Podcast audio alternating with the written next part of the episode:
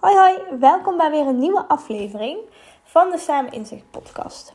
Vandaag wil ik het hebben over dat dieren altijd streven naar balans.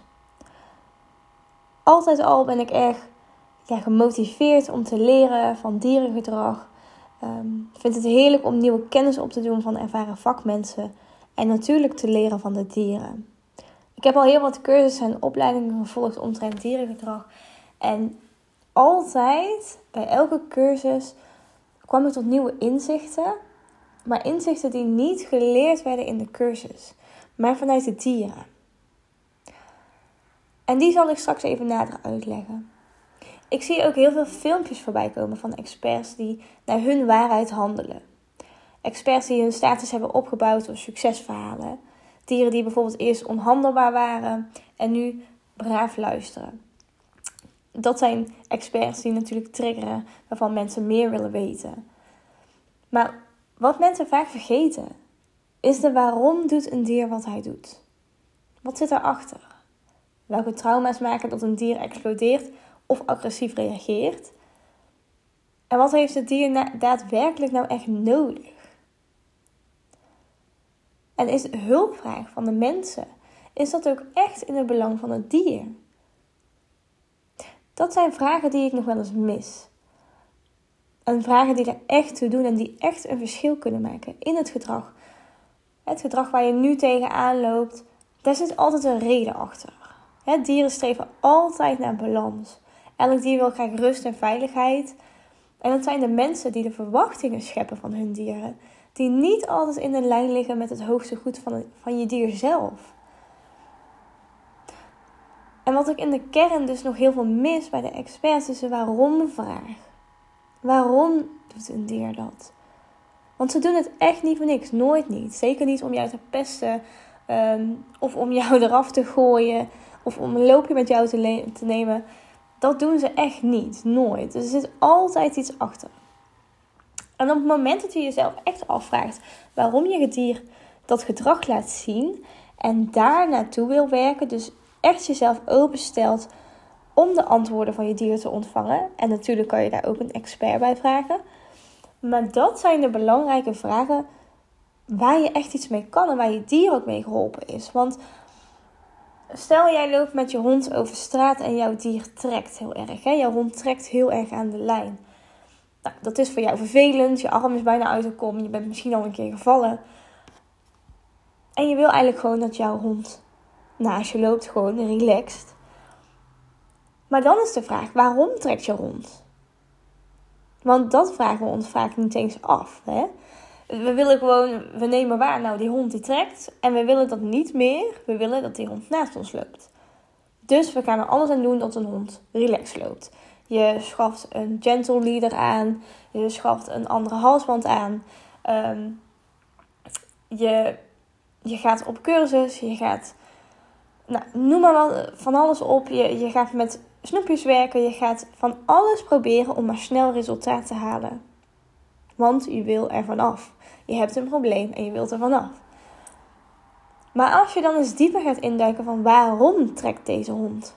Is dat omdat ze het nooit goed hebben aangeleerd? Omdat de hond totaal niet snapt wat er van hem of haar verwacht wordt? Is dat omdat de hond iets eng vindt? Is dat omdat de hond de halsband als niet prettig ervaart? Er kunnen zoveel redenen voor zijn. Maar op het moment dat jij weet waarom je dier doet wat hij of zij doet, dan pas kan je echt effectief met je dier in gesprek gaan, met je dier oefenen, die verbinding aangaan. Want even snel een expert inschakelen of even snel uh, allerlei hulpmiddelen gebruiken dat gaat nooit iets oplossen. Ja, voor tijdelijk. Maar je geeft je dier nooit een stem, want je weet niet waarom. Dus die verbinding die je dan eigenlijk zoekt, hè, van lekker relaxed um, met je hond bijvoorbeeld aan de lijn. Ehm, nou, lekker heerlijk wandelen met je hond relaxed naast je.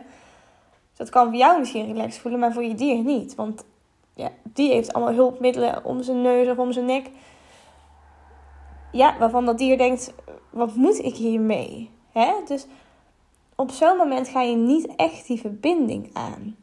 En op het moment dat je je afvraagt waarom, Stel je je open. Je wil automatisch die verbinding aangaan, want je wil je dier horen, zien, begrijpen. En dat maakt een verschil. Dus op het moment dat jij nu tegen een probleem aanloopt, vraag jezelf dan eens af: waarom doet je dier dit? Wat wil je dier ermee vertellen? En natuurlijk wil je een oplossing. En wil je samen met je dier aan werken. Maar zolang je de waarom-vraag niet weet, kan je nooit een geschikte oplossing hebben.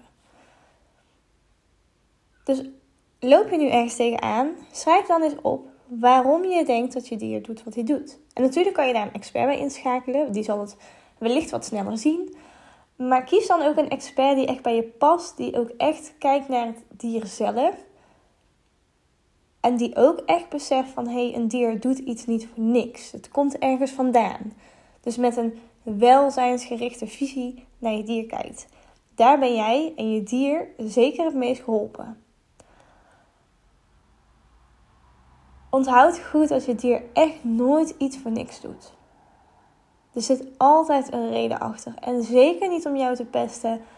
Um, tuurlijk, sommige dieren die zijn echt heel erg lollig en die maken er een spelletje van. Ehm, maar ook dat heeft weer een reden.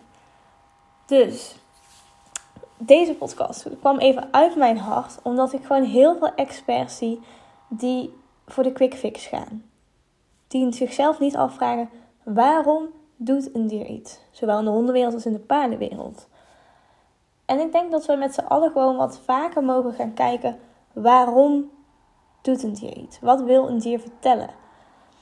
En zo streef je naar die mooie verbinding met je dier, met die balans, met die communicatie. En dat is denk ik wat ieder dier, maar ook ieder eigenaar gewoon verdient. Die liefde die je voelt met je dier. Van, van beide kanten, wederzijds.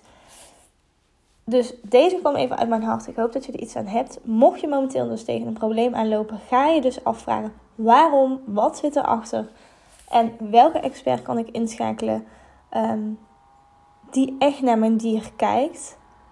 En als je geen expert wil inschakelen, dan is dat natuurlijk ook helemaal goed. Maar vraag je dan wel af waarom. Ga je die observeren? Ga je jezelf observeren? Schrijf het allemaal op en kom daarmee tot een mooi besluit of een mooi behandelplan. Of als je in de energie vaak ook al iets verandert, dat doet al heel erg veel met je dieren en met jezelf. En mocht je zoiets hebben van, nou, ik wil graag mijn verhaal delen, dan ben je altijd welkom op Instagram of door hier een reactie te plaatsen. Ik nodig je echt uit om het gedrag van je dier wat verder te onderzoeken. Ehm, verder kijken dat je neus lang is. En vooral te luisteren. Dankjewel voor het luisteren ook naar deze podcast. En ik wens je een magisch mooie dag toe. En graag tot de volgende keer. Doei doei!